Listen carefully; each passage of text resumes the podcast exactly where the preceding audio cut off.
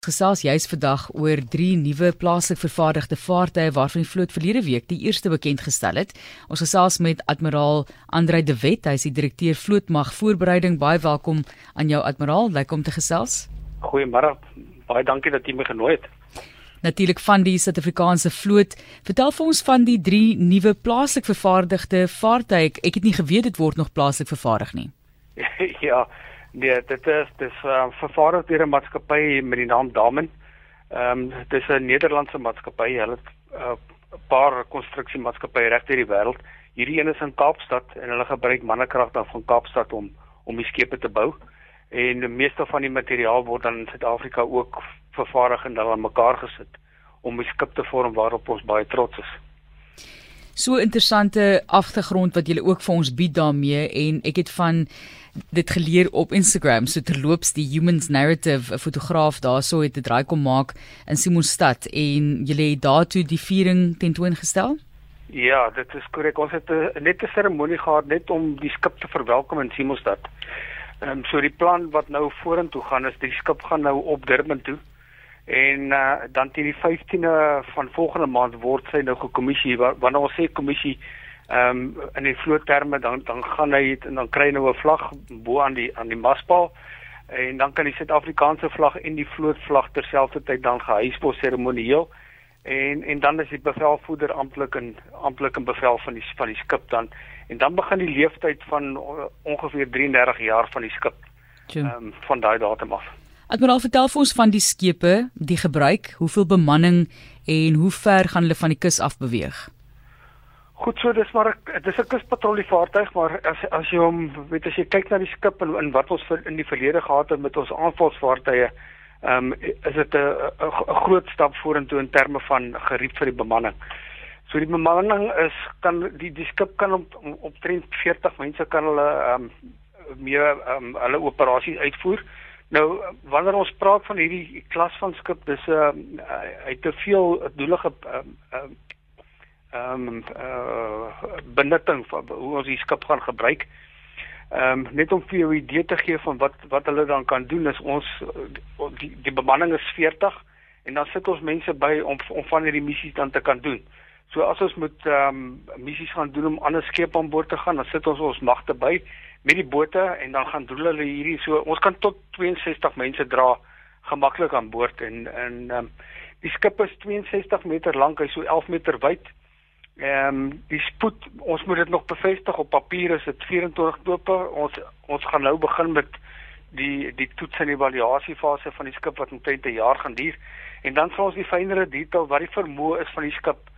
Dis die eerste van klas wat ons noem. So ons moet nou vir die vir die volgende twee wat daarop volg, moet ons nou hierdie skip ordentlik meet om te seker seker te maak dat hy eerstens die spesifikasie wat ons gestel het daar kan bereik En dan wat wat addisioneel kan bereik word moet ons dan ook kyk en om, om die skip aan beter te maak in terme van hoe ons dit wil aanwend.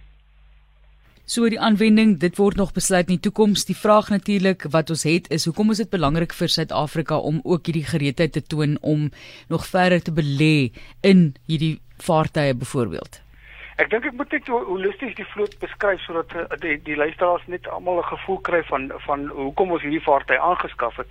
Hulle vervang ons ehm um, aanvalsvaartuie wat ons die eerste een het ons in 1977 gekoop. Ehm um, so daai skip is nou oor die oor die 40 jaar oud. So op hierdie stadium ehm um, die skepe wat ehm um, soos wat die die nuwe skepe in diens kom, is ons besig om die ander diens uh, ander skepe uit diens uit te stel. So oor 2 jaar is die ou van aanvalsvaartuie wat ons geken het sal dan uit die vloot uit wees. Dan moet ons ook kyk na weet ons praat so, so van die uh, van die wapenskandaal Maar min mense verstaan dat die skepe is al die fregatte wat ons nou het is al 20 jaar oud. Ehm um, en hulle het net 'n lewensduur van 32 jaar. So hulle is nou baie naby aan aan hulle ouderdom as mens nie gaan belê in hulle dit hulle moet ook afgeskaal word. So projek baie rou onder hoe ons hierdie skip dan aangekoop het, het gekyk na ses vaartuie. Uh drie vir vir vir 'n uh, kuswag en dan vir die oopsee 'n groter skip wat dan 'n helikopter kan dra en dan die, by die vrig, die fregat sal oorgeneem het. Ehm um, so ons ons vloot is, is redelik oud. Ons het gister het ons die ehm um, 50 jaar viering van SS Protea gehad hier in Simostad. So daai skip is nou al 50 jaar oud om 'n idee te gee. en dan is ons ons ons ou mynjagters is ook nou al oor die 40 jaar oud. So die vloot is oud en ons moet vernuwe, ons moet nuwe mense inbring um, en nuwe maniere ons ons uh, operasie gaan uitvoer wat in die toekoms van ons verwag word. Admiraal Andrei de Wet klink nog jonk en energiek, nie soos die vaartuie nie. So is 'n voorreg om te gesels. Wat gebeur nou met daardie 20-jarige tuie wat nou vervang moet word? Ehm um, word dit vir opleiding gebruik of word dit as skroot verkoop? Hoe hoe werk dit in die vloot? OK, so ons het 'n uh, ehm um, ek praat nou van die 40-jarige vaartuie. So ehm um, ons het 'n proses wat ons deur krygkor moet volg en dan gaan dit uit op, op tender om te kyk wie wil die skepe aan aankoop. Ehm um, en dan sal daar 'n nuwe ons hoop om een van die vaartuie die die aanvalsvaartuie weet hulle het 'n groot rol gespeel in ons vloot en ons goed gedien vir 43 jaar.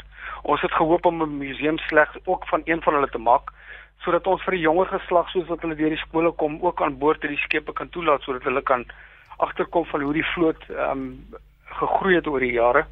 Ons is toevallig ook besig in Simostad om um, met een van ons ou Daphne duikbote 'n museum ehm um, weer op die been te bring. Ons het vir ongeveer 19 jaar gesukkel om dit te doen, maar ons het nou uh, magtige gekry en ons gaan binnekort nou hierdie museum ook ehm um, uh, van die been af van die been af bring sodat ons al die mense kan bring deur ons deur die geskiedenis van die vloot.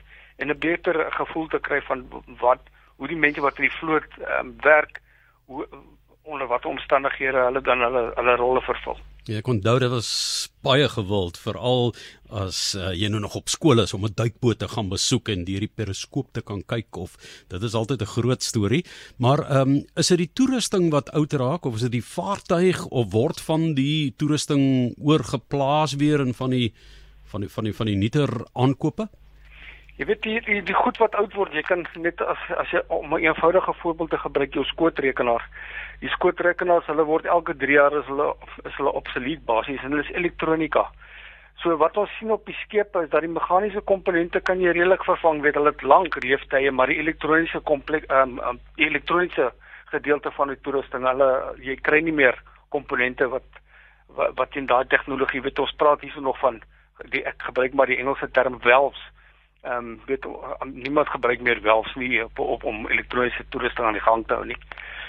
Ehm um, selfs radarstelsels is ook nou ander toerusting. So dit is maar ons moet tred met tegnologie en en seker maak dat ons kan ehm um, funksioneer so in in in die komplekse omgewing.